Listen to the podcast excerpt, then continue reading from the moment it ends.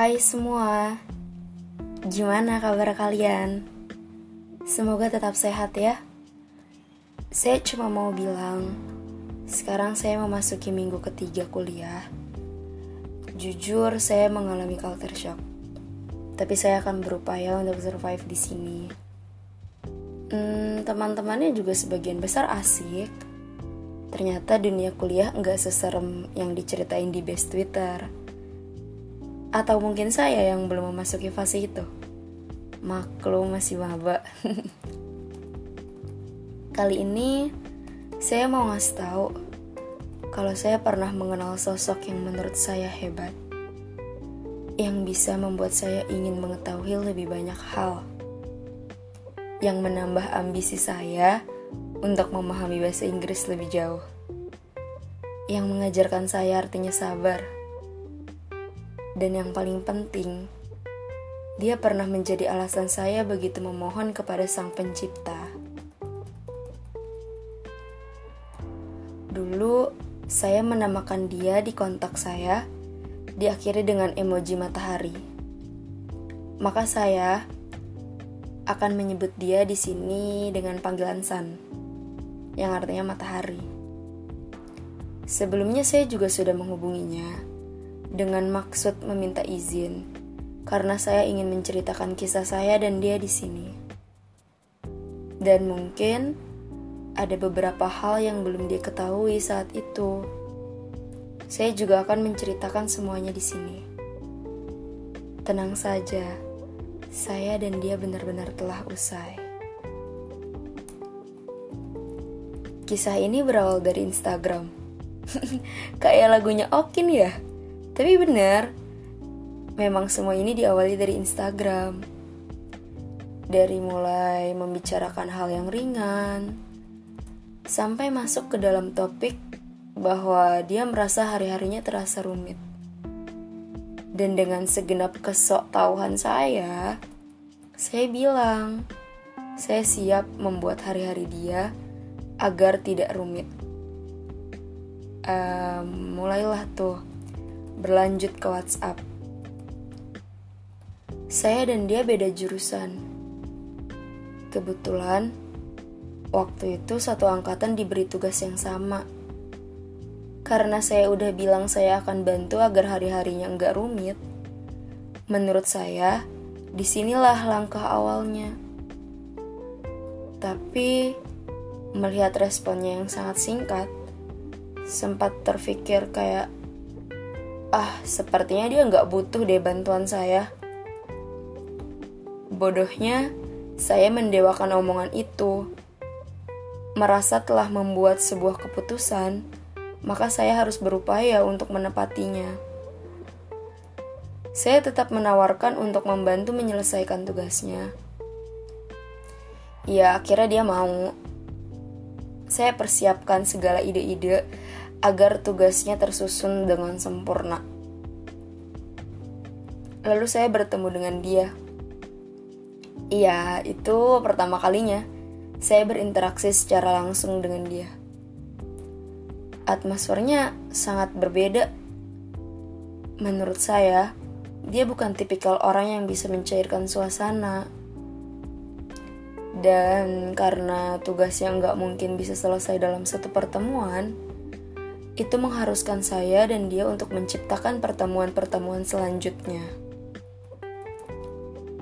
Tapi nggak semulus yang kalian bayangin. Pernah, waktu lagi ngerjain tugas, ibunya menelpon berkali-kali. Di situ saya bingung harus gimana.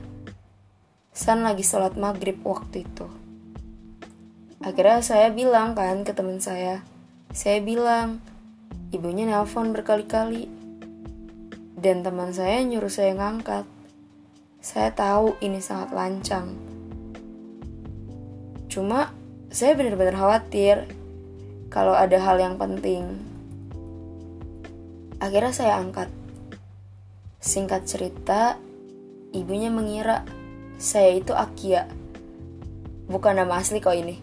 Uh, jadi di situ ibunya ngira saya itu Akia di situ rasanya kayak loh dia punya pacar Berarti saya lagi pergi sama pacar orang dong. Pikiran saya waktu itu udah gak karuan banget. Sampai akhirnya pulang, waktu lagi di jalan pun ada yang nelpon dia. Display name-nya Anon.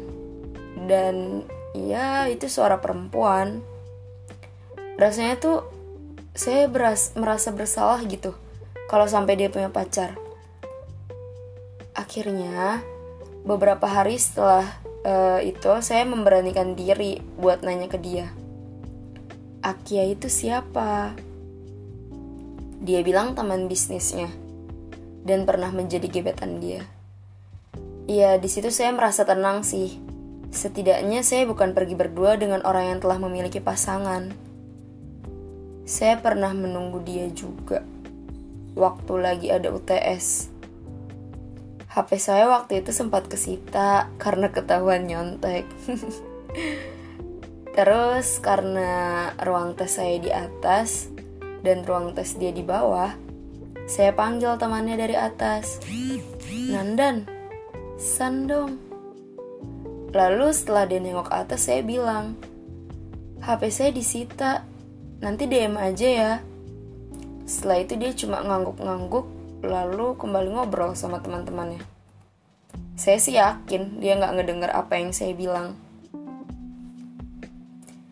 Akhirnya, setelah saya berusaha membujuk guru agar mengembalikan HP saya, saya langsung ngecek apakah ada pesan masuk dari dia atau enggak.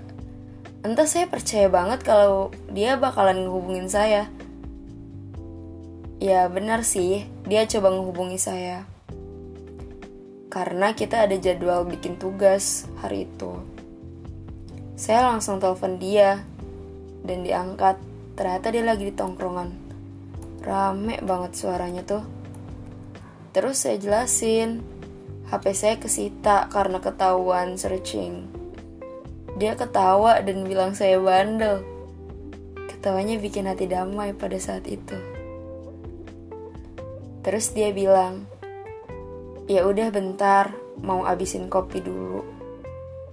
Uh, setelah itu ternyata dia makan ketoprak karena nggak enak, udah terlanjur mesen. Dan dia minta saya nunggu. Ya nggak masalah sih. Saya tetap nungguin kok di sekolah.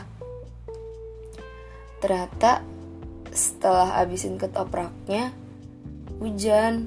Dan hujannya lumayan deras lagi-lagi dia minta saya buat nunggu nunggu hujannya reda dan saya mengiyakan permintaannya beruntung saya mempunyai teman-teman yang baik dan mau ikut menunggu biar saya nggak sendirian. Waktu itu kondisi sekolah benar-benar sepi banget. Tersisa murid cuma saya dan teman-teman saya. Singkat cerita, akhirnya cerpennya selesai. Setelahnya kayak yang ya udah gitu. Dia benar-benar sibuk sama bisnisnya. Sampai waktu itu dia chat saya. Dia bilang, uh, buat lihat instastory temannya. Ternyata isinya itu sebuah poster yang di dalamnya ada dia sedang memeluk seorang wanita. Dan dia di situ jadi testimoni bisnisnya. Uh, iya, orang yang dia peluk itu ibunya. Dia berhasil beli kalung emas untuk ibunya. Dan di hari itu juga dia bilang, dia kangen ke saya.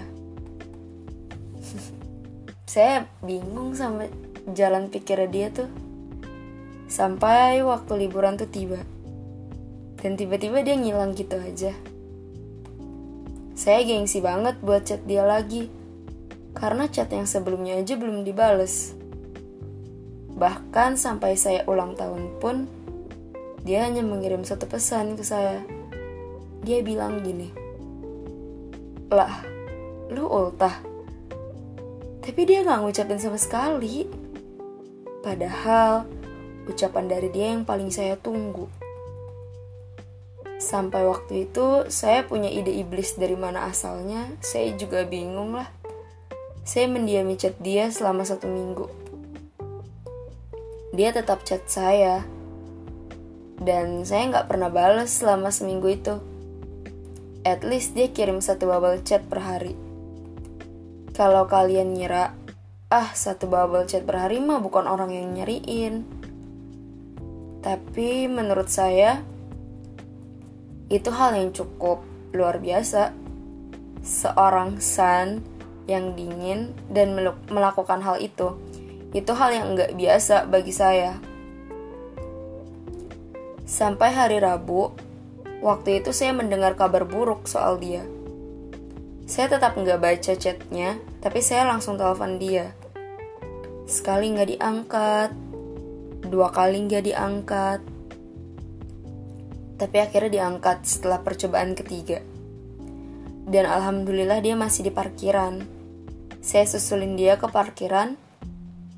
Jujur saya khawatir banget. Saya takut terjadi sesuatu sama dia.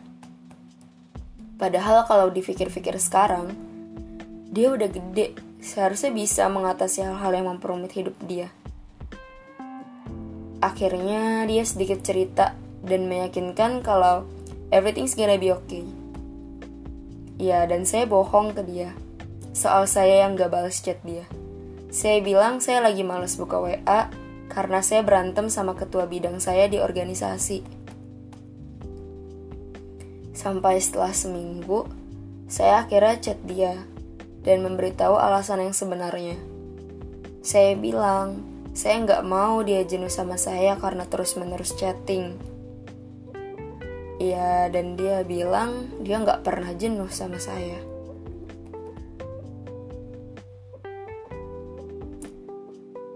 Um, teman saya yang temannya dia juga pernah tanya perihal rasa dia ke saya itu kayak gimana. Bukan klasik kedengarnya, tapi saya merasa ada rasa yang tulus ketika dia mengucapkan hal itu. Dia bilang dia hanya takut mengecewakan saya.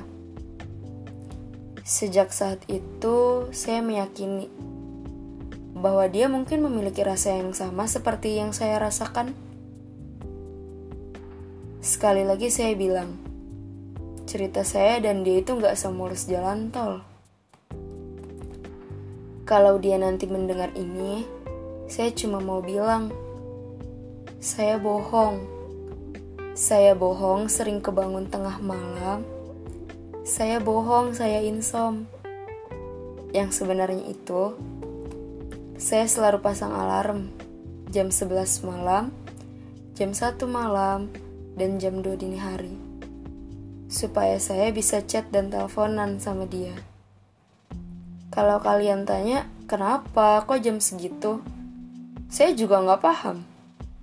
Menurut saya, dia sering online ya sekitaran jam segitu. Kalau jam 11 belum dibales, saya tidur lagi kemudian akan terbangun jam 1. Biasanya sih setelah jam 1 sudah dibalas, walau hanya 3-4 kata. Lama-lama saya jadi terbiasa bangun jam segitu. Ya, jam tidur saya jadi acak-acakan. Pernah suatu hari saya sangat mengharapkan pesan masuk dari dia. Saya terbangun sekitar jam 2 dini hari. Saya cek handphone, dan benar, ada pesan dari dia. Karena saking senangnya, bukannya bales, saya waktu itu beneran langsung berdiri dan ambil air wudhu.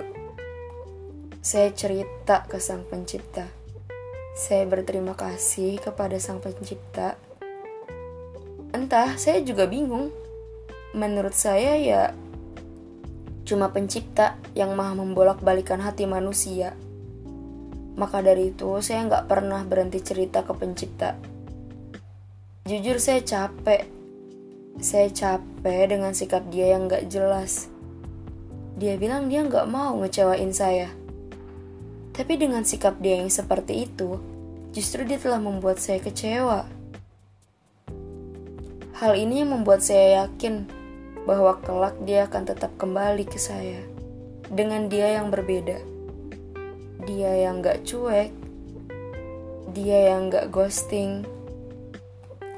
Walaupun sudah tidak terlalu sering berkirim kabar, terbangun di waktu dini hari telah menjadi kebiasaan saya. Tak jarang saya bercerita ke pencipta. Dan saya kadang bertanya-tanya sendiri, gimana kabar dia? Apa dia baik-baik saja? Sekarang dia lagi apa? Entahlah.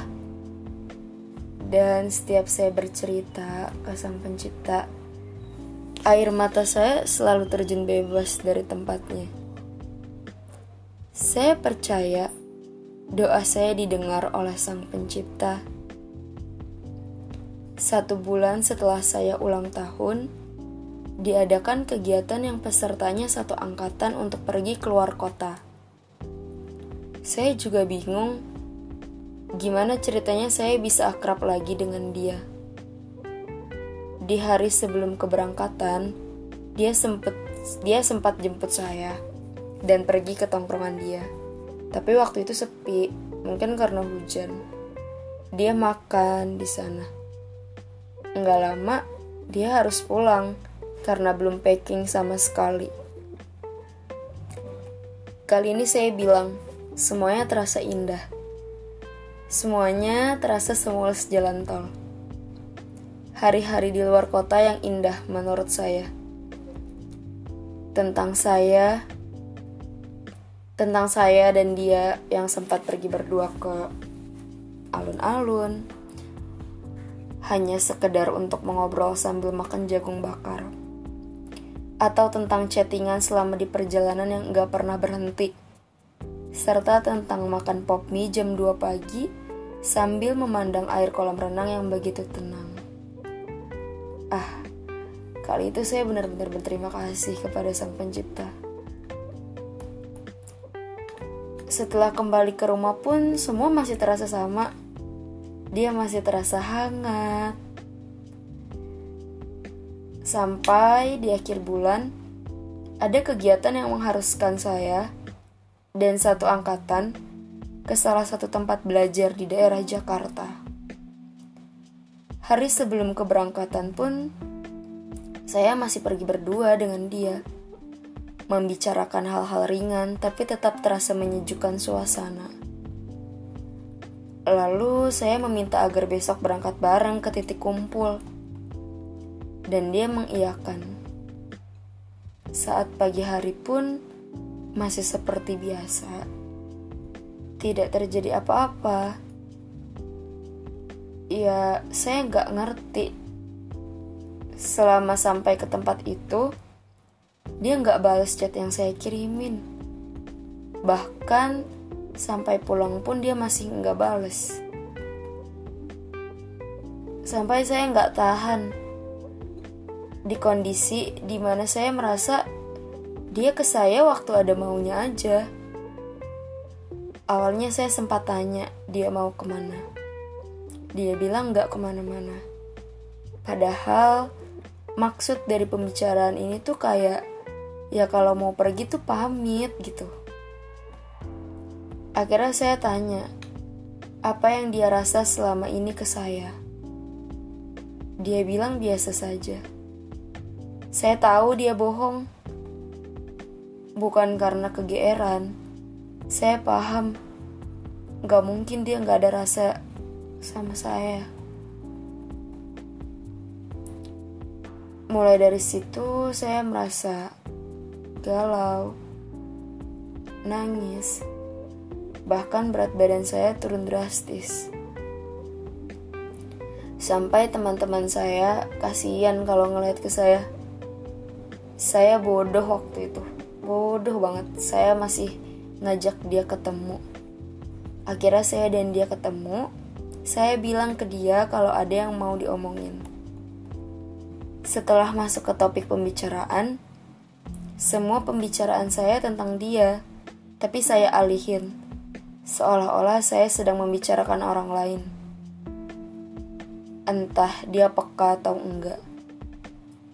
Dan terakhir, saya diantar pulang sama dia.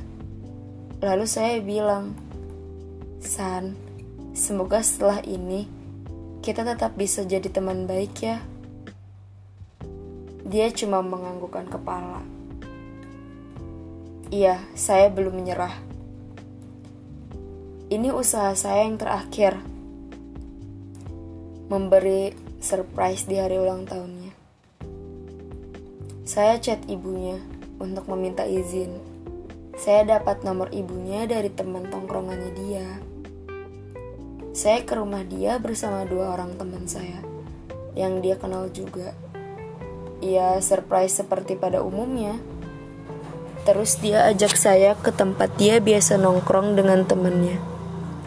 Dia bilang, Bapak pemilik tongkrongan udah lama nanyain saya. Katanya kok nggak pernah ke sini lagi. Dalam hati saya, ya iyalah, orang lu aja ngilang-ngilangan. Cuma saya nggak punya nyali, jadi itu cuma bisa terucap di dalam hati aja. Akhirnya pulang, dan ya udah setelah itu pun nggak ada yang berubah. Dan saya udah komitmen sama teman saya sebagai bentuk usaha yang terakhir. Setelahnya saya bakalan fokus hafalan dan mulai coba buat lupain dia hafalan saya tuntas. Saya mau bilang terima kasih untuk teman-teman yang selalu menemani dan mensupport saya. Selang beberapa bulan setelah saya usai dengan dia, ada teman kelas saya yang menjadi apa ya? Tempat cerita mungkin tempat saya menuangkan segalanya. Uh, iya, teman kelas saya laki-laki saya udah bilang ke dia, tolong jangan ada yang baper di antara saya dan dia. Hari ke hari semakin dekat saya dengan teman kelas saya itu. Saya merasa nyaman aja dan gak ada niatan saya buat serius sama dia. Toh saya yang memberi peringatan agar tidak saling terbawa perasaan. Di tahun ajaran baru, tiba-tiba ada pesan masuk dari sana dengan topik yang berbeda-beda. Respon saya benar-benar singkat. Pokoknya waktu itu saya mikir dia jahat, dia jahat, dan dia jahat. Bahkan kadang chat dari dia hanya saya baca. Bulan demi bulan, akhirnya teman saya menyatakan bahwa dia menyukai saya dan menginginkan saya untuk menjadi kekasihnya. Setelah lima hari, Akhirnya saya mengiyakan. Dan setelah beberapa bulan, saya sadar banyak hal yang gak beres dari hubungan saya dan dia. Menjelang hari-hari sebelum putus, saya mengetahui kebenaran bahwasannya San bukan meninggalkan saya karena ada perempuan lain. San mengabaikan saya karena dia sibuk dengan dunia bisnisnya. Dan dia lupa kalau di dunia yang bukan bisnisnya itu ada saya. Dan dia juga mengakui pada waktu tahun ajaran baru, dia sempat ingin kembali dan berusaha mengirimi beberapa pesan ke saya. Tapi melihat respon saya yang seperti itu, dia sadar dia salah. Dia merasa seperti seorang anak yang telah lama meninggalkan rumah, tetapi ketika kembali, pemilik rumah sudah tidak mau menerima dia lagi. Terima kasih, San, telah mengajarkan banyak hal kepada saya. Dan ada beberapa pesan saya untuk kalian yang mendengar ini. Don't waste your time for someone who didn't want you in his life. Stop hope on it Stop taking to him and stop thinking that you could change his mind. Girls, you must be happy and you can be happy without him. So, terima kasih yang telah mendengar episode ini hingga akhir. Semoga kita semua tetap sehat dan kuat. Bye bye.